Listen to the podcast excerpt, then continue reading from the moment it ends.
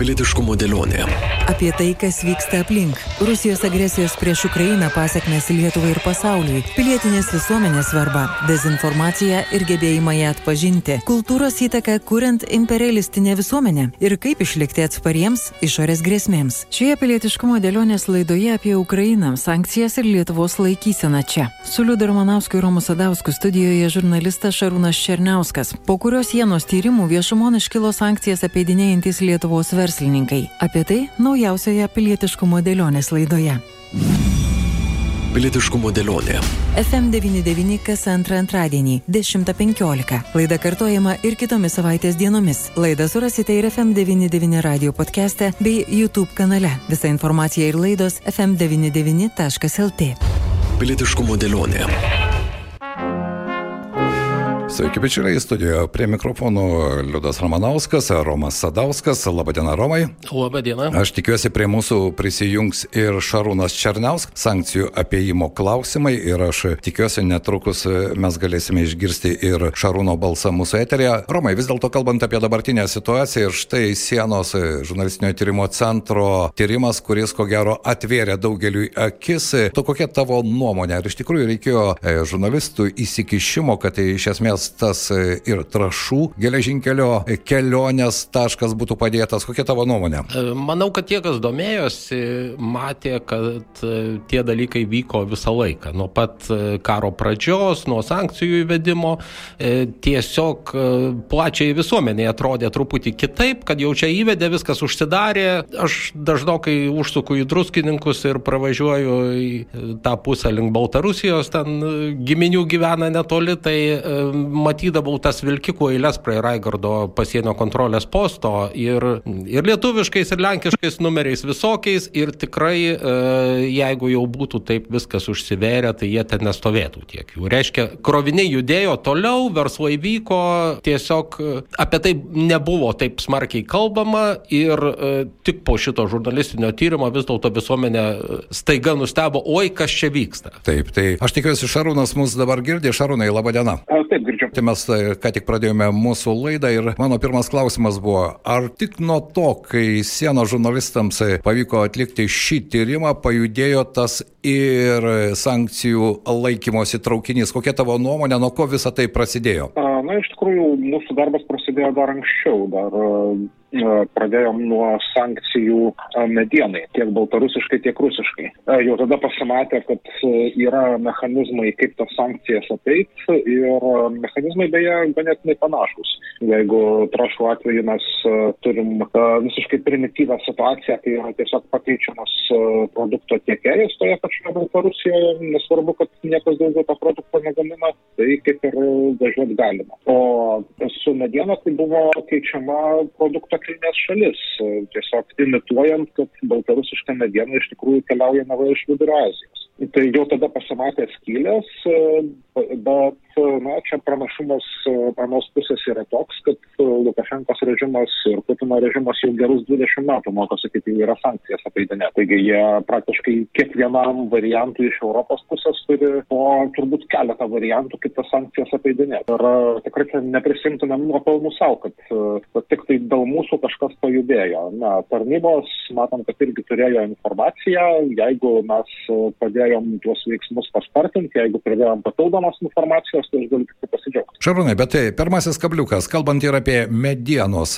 irgi gabenimą, kas tai buvo jūsų pačių surastas kažkoks faktas, ar vis dėlto jūs sulaukite kažkokių signalų? Su mediena tai buvo taip, kad pastebėjom keistas tendencijas tarptautinės prekybos statistikoje. Tiesiog kolegos iš Baltarusijos nagrinėjo Eurostato duomenis ir pastebėjo, kad kelios ES valstybės, pirmiausia Lietuva, staiga ėmė pasižymėti dideliais medienos srautais iš Kirgizijos ir Kazakstano. Mes tuo užsiemėm ir, na, iš tikrųjų apsidžiaugiu sužinojęs, kad praktiškai sinchroniškai tuo pačiu užsiemė Lietuvos muitinė. Nes muitinė irgi tą pačią informaciją nagrinėjo, turėjo ir jau iki mūsų publikacijos apie medieną pasirodymą mes sužinojom, kad Lietuvos muitinė imasi veiksmų ir iš tikrųjų tų veiksmų imasi greitai ir efektyviai. Jau tos įmonės, kurias mes identifikavom kaip dalyvaujančios sankcijų apeimo schemose, jau jos tą kolegai prisistačiusiam neva klientų rekomendavo, ai gal tu nevežk per Lietuvą, geriau per Lenkiją, ten mažiau visokių procedūrų, mažiau kabinėjasi. Visos tarnybos, ne, kurios turi kontroliuoti iš esmės sankcijų laikymasi, dirba ne po vieną žmogų. Tyriejų, žurnalistų yra vienetai, ant vienos rankos pirštų galima suskaičiuoti. Tai kame problema yra? Prireikia metų laiko nuo Rusijos invazijos į Ukrainą pradžios, sankcijos įsigaliojo skirtingų laikų, kad vis dėlto tas procesas jau įgautų kažkokias konkrečias formas, svarstymai komitetuose, Seime tas klausimas, visuomenėje jau apie tai diskutuojama. Pirmiausia, tos tarnybos buvo kūriamos e, gerokai iki karo pradžios ir e, joms nebuvo numatytas toks darbo krūvis ir tokios, tokia tyriamoji veikla, sakysim, sankcijų apiejimo. Ten gal vienas kitas žmogus yra, kuris, kuris iš tikrųjų tuo domėjosi ir anksčiau, bet dauguma nesiruošė tam, sakysim. Ir tokio jau ryškaus etatų padidėjimo pas juos taip pat nebuvo. Kitas dalykas, kad ir pačios sankcijos e, atskirais paketais priiminėjant jas e, Europos, svarstant e, Europos vadovų taryboje, Europos komisijai teikiant pasiūlymus, jos yra kompromiso rezultatas. Tai yra jau jas tvirtinant tos skylės pravežti ir tiek į vieną, tiek į kitą pusę judėti kroviniams jau būna užprogramuotos. Nes vis dėlto, pripažinkim, tikrai ne visos šalis, taip kaip Lenkija ir Lietuva, e, siekia uždaryti viską. Tie patys Lenkai uždarė visus kelio postus. E, e, tai toliau už mus nuėjo iš viso nuo Baltarusijos. Taip. Šarūnai, vis dėlto, kalbant apie konkrečius atvejus, nebejoju, kad vykdydami savo tyrimą jūs ir kolegas į pagalbą kvietėtės, bet ar teko bendrauti su vežėjais, su pačiais verslo atstovais? Atstovais. Aš suprantu, kad daugelis iš jų gali pasakyti, kad biznisas biznis, tai verslas yra verslas, nepainiokime jo, bet ar turite kažkokių konkrečių faktų, konkrečių įmonių, konkrečių žmonių, su kuriais jums, kaip tyrėjams, teko irgi bendrauti? A, na, patirtis sakyčiau, buvo trijų rūšių. Pirma rūšis tai e, be abejo kontaktas su tais verslais, kurie na, dalyvauja visose šiose schemose. Tai ten kontaktas e, buvo įvairus, e, buvo žmonių, kurie sinchroniškai sako, kad čia tu nesąmonę sakai, viskas, ką tu sakai, yra netiesa, čia žiaurus melas, bet kartu tai yra komercinė paslaptis. Tai va taip įdomiai, kiti variantai buvo kokia sąžinė nesuprantu, dar kiti variantai buvo vėlgi absoliutus neigimas visko.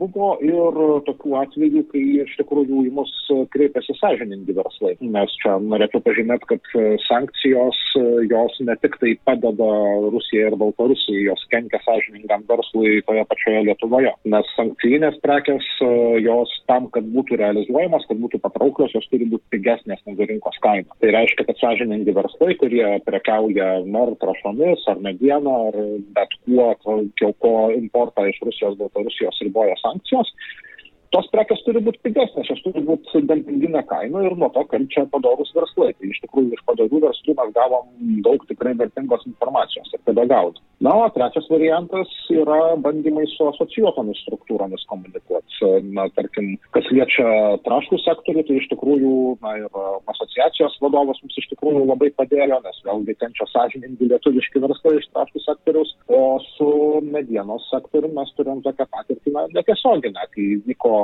tos pačios temos laida LRT radijoje, tiesiog vienos iš medienos asociacijų atstovai atsisakė joje dalyvauti, kas na, kaip Rafaelo, iškalbingiau negu tūkstantis žodžių. Taip, sutinku su tavimi. O dabar aš norėčiau Romo paklausti, kadangi Pietų Lietuva, na, tiesioginis kontaktas siena su Baltarusija, ar štai kasdienėme gyvenime tu pastebi, kad ne tik trašos, ne tik mediena važiavo ir ko gero dar važiuoja, bet ir visos kitos prekės, kurios taip pat važiuoja iš Baltarusijos. E, kam tenka pasivaikščioti daugiau po druskininkų kurortą, tai turbūt pastebi savaitgaliais ypač didžiulį srautą automobilių baltarusiškais numeriais lyderiais. Ir tai tikrai nėra tie e, nuo Lukašenkos režimo pabėgę persekiojami protestuotojai, bet e, e, atvažiavę su Šengeno vizom, prabangiais visureigiais, kadangi jie vieninteliai, nei lietuviai, nei lenkai taip nevairuoja kaip baltarusiai, kurie ten lenkia per dvigubą ištisinę, nepaiso greičio apribojimų vien dėl to, kad jiems neparkeliauja tos baudos, kurie užpildo pačius brangiausius viešbučių numerius skaičius. Žodžiu, nesijaučia to, jeigu taip jau tiesiogiai ten kokiuose sanatorijose pigiausiose kambariuose tas srautas sumažėjo, tai bendrai vaizdas gatvėje tikrai reiškia, kad tie žmonės, turtingesnis sluoksnis, tie, kurie važiuodavo, tie tebe važiuoja, leidžia pinigus čia, jie jų turi, nedaug kas pasikeitė vis dėlto. Šarūnai, o kaip tau atrodo štai tokia būtinė sankcijų nesilaikymo taktika, ji vis dėlto egzistuoja ir visuomenės požiūris irgi gana toks toleruotinas yra, nes, na, ne vagonai su trašomis, o štai tokios smulkmės. Kokia tavo nuomonė? A, na, žinot, smulkų sankcijų apėgimai kaip ir smulki korupcija. Atrodo smulkinė, bet iš tikrųjų didesniu mastu tai yra visiškas blogis. Pasižiūrėkim į tą patį medicinos sektorių. Kiek metų kovojam ir tebe kovojam su vokelių dėjimu gydytojų į halato kišenę. Tai aš visiškai palyginčiau šitos dalykus. Tai yra praktika, kurią reikia išgyvendinti ir nuo to ir mums, ir, ir mūsų valstybė bus tik tai geriau. Kitas analogas yra kontrabandinės cigaretės. Dar per 20 metų atgal būdavo visiškai normalu, kad ir tam pačiam Vilnius kalvarijų turgui nusipirkti pakelį kontrabandos. Niekas iš to didelės problemos nedarė ir didelės gėdos nejautė. Šitas jau pasikeitė. Jau kontrabanda rūkyti yra gėda, jau pamažu darosi gėda dėt vokelį gydytojų į kišeną, gal pasidarys gėda ir užsiimti smulkių žiūrėjimų po pirštus į mažus sankcijų pažeidimus. Tie maži sankcijų pažeidimai yra iš tikrųjų dalis kur kas didesnio aparato. Bet Lietuvos geležinkeliai čia juk yra valstybinė įmonė. Jie yra vežėjai. Be jų trašos juk nekeliavo iš Baltarusijos Gardino į Klaipėdos uostą. E, taip, geležinkelių beje reakcija galiu tik tai pasidžiaugti. Iš tikrųjų, aš pats buvau nustebęs, kaip tokia provincija galėjo nuriedėti per visą Lietuvos teritoriją. Ir čia iš tikrųjų visą Lietuvos teritoriją, nuo vienos sienos iki kitos, iki, iki uosto. E, ir netgi klausiau vienos televizijos laidos metu, kaip čia yra, kad na, netgi mašinistas na, turėtų suprasti, kad jeigu rieda baltarusiškos trašos į birių krovinių terminalą, tai čia gali būti kažkas negerai. Ir tada sužinojau, kad pasirodo na, traukinys lietuviškas, lokomotyvas lietuviškas, bet mašinistas vairuojantis tą traukinį iki klaipėdos pasirodo yra baltarusis ir tai yra normali tvarka. Man tai truputėlį keista. Bet apskritai geležinkeliai sureagavo labai operatyviai ir žaibiškai sugriežtino kontrolės procedūras ir sulaikė jau ne vieną ir ne du krovinius krovinius.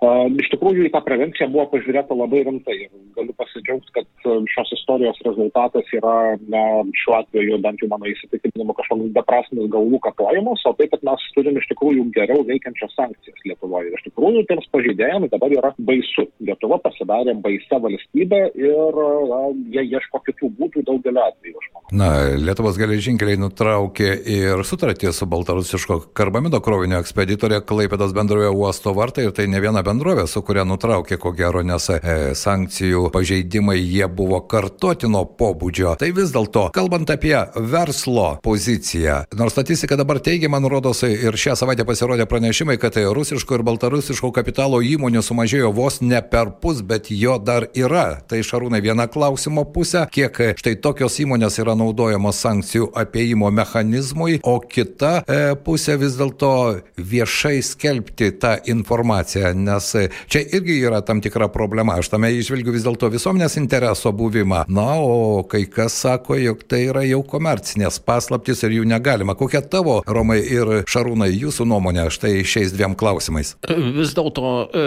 jeigu mes pažiūrėtumėm, kad ir į tą pačią radarom akciją, kokie verslai ten rėmė, tai ten nepamatysim nei e, turbūt ir didžiųjų logistikos kompanijų nebuvo ir, ir bankų ir prekybos tinklų. E, buvo naujo tipo tie informacinių technologijų, medicinos dar kažkokie verslai, kurie mm, atsiradę jau šiame amžiuje. Bet e, didžiąją dalį Lietuvos ekonomikos vis dėlto sudaro tie senieji e, atsiradę pirmų nepriklausomybės dešimtmečių verslai, įkurti žmonių, kurie atėjo dar iš sovietmečio, galbūt kai kurie paveldėti jų e, kitų kartų, bet e, tas e, mentalitetas, kai e, kiek tu bešerkia europiniais pinigais vis tiek žiūri į rytus, ir supranta kelius tik į ten, jis, jis dar gajus ir jo daug likę. Ir jeigu apie visuomenės toleranciją šitam klausimui, tai matau labai didelius skirtumus tarp aukštesnės viduriniosios klasės, sakysim, tų pačių žurnalistinių tyrimų skaitytojų ir, ir sakysim, to liaudės, kaip pavadinčiau, antrosios Lietuvos, kuri vis dėlto e, žiūri į tai ir tas kontrabandinės cigaretės parūko ir, ir pabalsuoja už e, kandidatus, kurie e, e, ne, dar neuždarė verslų Rusijoje ir nesureikšmina šitų dalykų. Ir paskaito portalus rusiškus. Šarūnai, o kaip tau atrodo? Na, gal pirmiausia atsakysiu apie a, baltarusiškus ir rusiškus verslus Lietuvoje. A, čia visų pirma pažymėčiau, kad a, pats kapitalo buvimas baltarusiško ar rusiško dar nereiškia, kad tos įmonės yra toksiškos. Na, nes tikrai yra pakankamai nemažai padarių žmonių iš tų valstybių persikelia į Lietuvą ir kitas ES šalis. A, kitas dalykas, jeigu aš būčiau koks nors blogietis norintis apeiti sankcijas, aš privengčiau baltarusiško ir rusiško kapitalo įmonių Lietuvoje tam dalykui, nes tai jau kelia papildomą riziką. Jeigu tu įvežinėjai kažką, kas gali būti sankcijinio iš rytų ir tavo įmonė yra baltarusiško arba rusiško kapitalo, tai neišvengiamai į save atkreipsi dėmesį. Dėl to tam yra naudojami tokie dariniai, kurie paprastai yra valdomi Lietuvos piliečių. O va štai baltarusiško, rusiško kapitalo verslas yra naudojamas saugesnėse jurisdikcijose, kaip, kad, tarkim, tas pats Kazakstanas, kur mes matėm pavyzdžių, kai neva Kazakstano įmonės eksportuoja dalykus dalykus į Europos Sąjungą, o iš tikrųjų jos priklauso Baltarusijos. Tokių dalykų mes esame matę. Pilietiškumo dėlionė.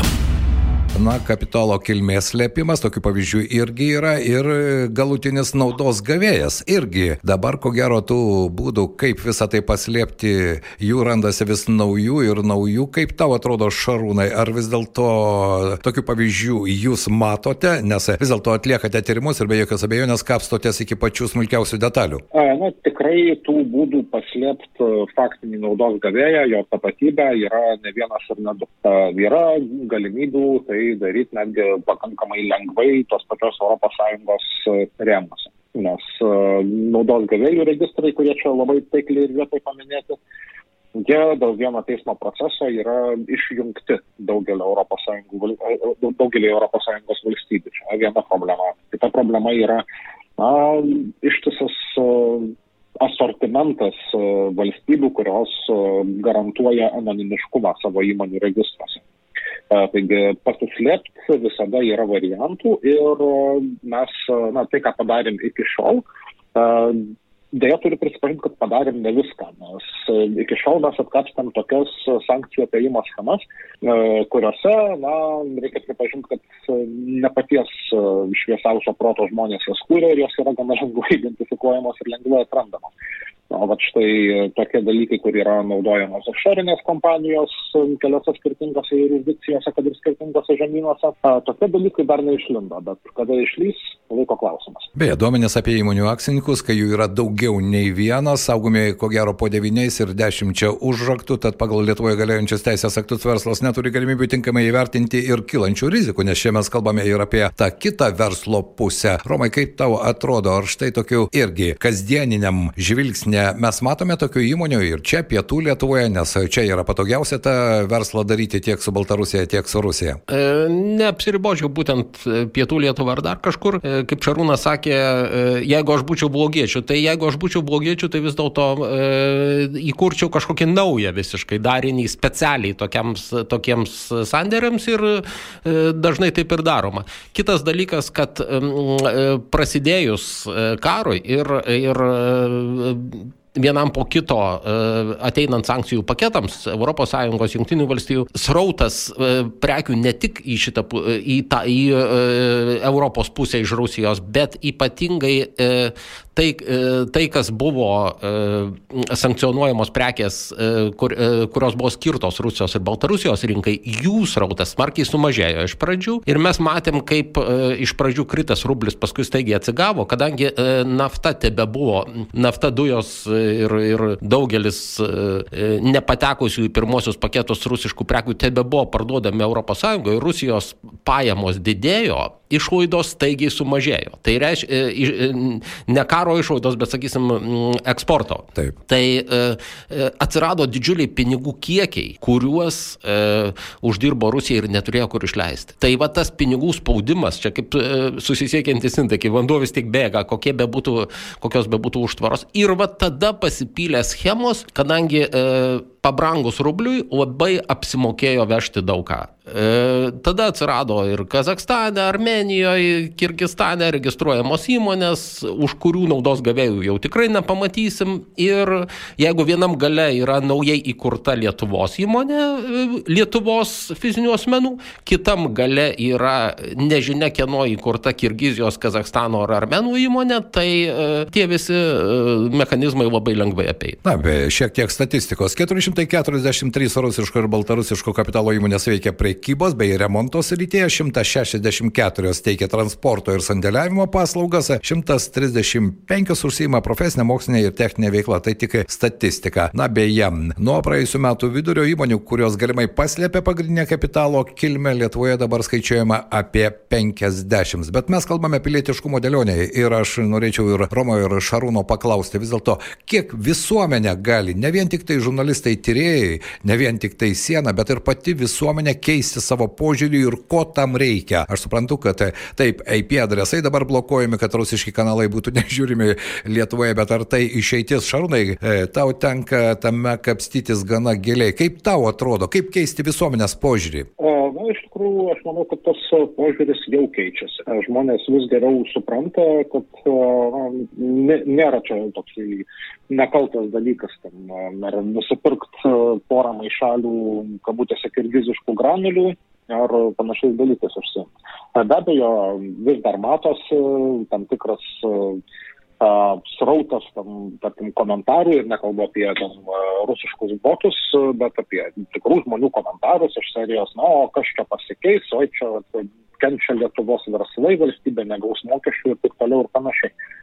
Bet bent jau iš mano praktikos tas srautas yra mažėjantis žmonės įsisamonina, kad vis dėlto kiekvienas e, sankcijų pažeidimas, kiekvienas nusižengimas vienaip ar kitaip e, na, grįžta ukrainiečių krauju. Ir e, manau, kad tas sukretimas vis pamažu, pamažu jau ateina į plačiosios visuomenės galima sakyti, kolektyvinę sąmonę ir supratimas, kad tai nėra gerai, kad tai nėra pateisinama, jisai plinta. Be abejo, tikrai ne absoliučiai, mes tikrai dar turim mentaliteto problemų, ne vienoje vietoje ir ne dviejose, bet suvokimas auga ir tai yra gerai. Na, o ką daryti, kad to suvokimo būtų dar daugiau, tai manau, kad yra du būdai. Vienas yra švietimas per realias istorijas, kaip kad tos, kurias mes atkapstėm.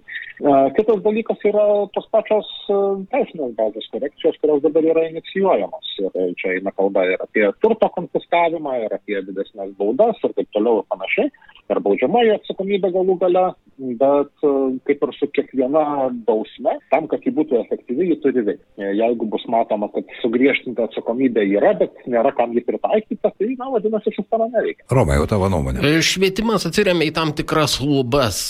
Sakysim, didelė dalis visuomenės jau iš tikrųjų suvokia, kad kiekviena rusiška prekė tai yra dar viena nupirkta kulka, kuri pakirs ukrainiečių vaikus, moteris, karius, e, bet e, ir iš tikrųjų reaguoja atitinkamai, tai yra e, savo kaimelio parduotuviai pamatę ten kokią rusišką spyną užsilikusią dar nuo pirmojo šio amžiaus dešimtmečio fotografuoja ir kelia į Facebooką, žymi parduotuvės savininkus ir gėdina. Tai čia, sakysim, viena dalis, kita dalis e, skaičiuoja kiek, e, kiekvieną centą ir, ir e, rūko baltarusiškas cigaretės. Tai tas išsiskyrimas, polarizacija labai ryškėja. Tai pirmosios dalies toliau šviesti jau nebėra apie ką, jau jie viską žino. Ant, antroji tiesiog atmeta tą informaciją ten, kur, kur nors centas susitaupo. Tai ta riba pasiekta ir paveikti jau gali toliau tik įstatymai.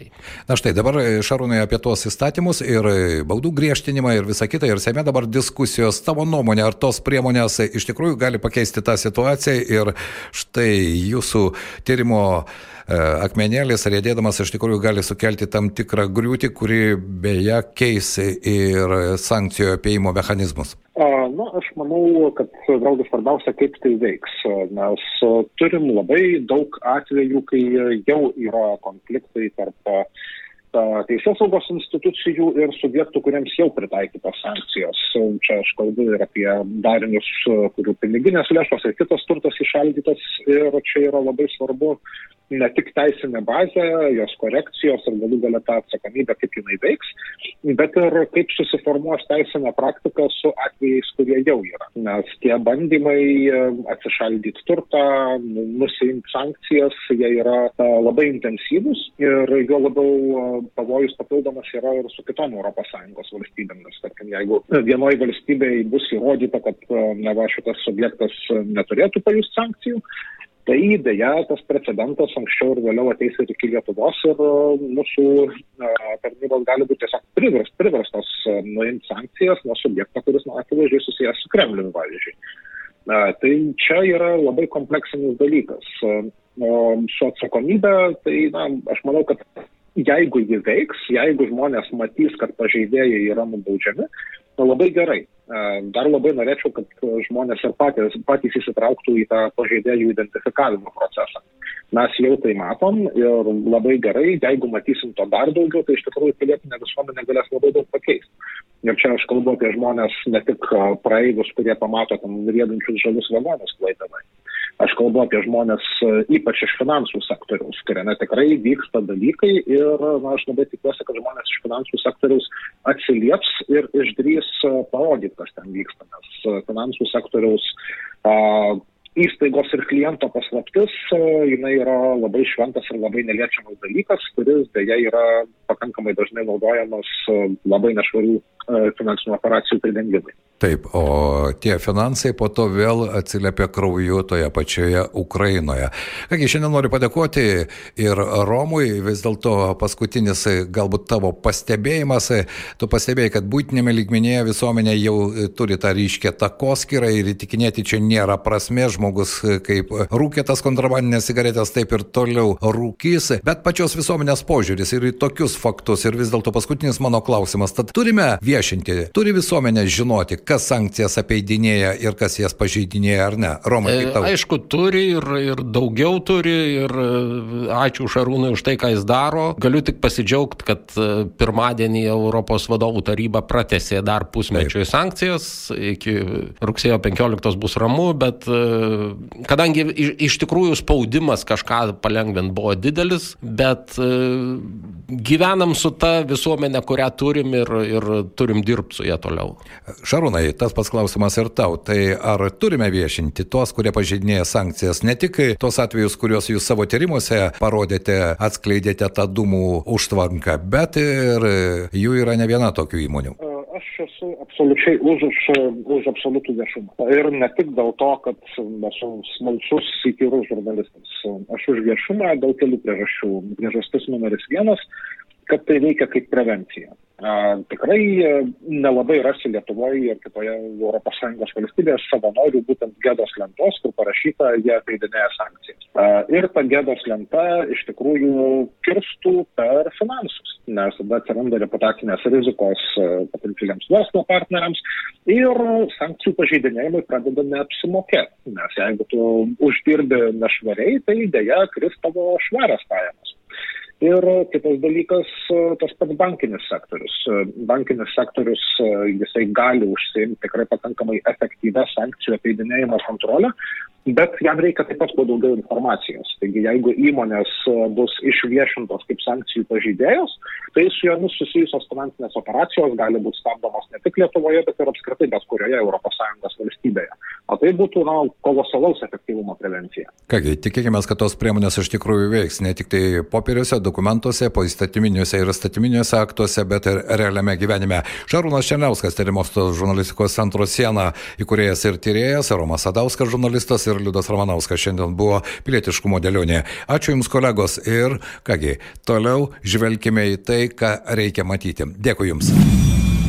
Pilietiškumo dėlionė. FM99. Pilietiškumo dėlionė. Prie laidos finansavimo prisideda spaudos radio ir televizijos rėmimo fondas.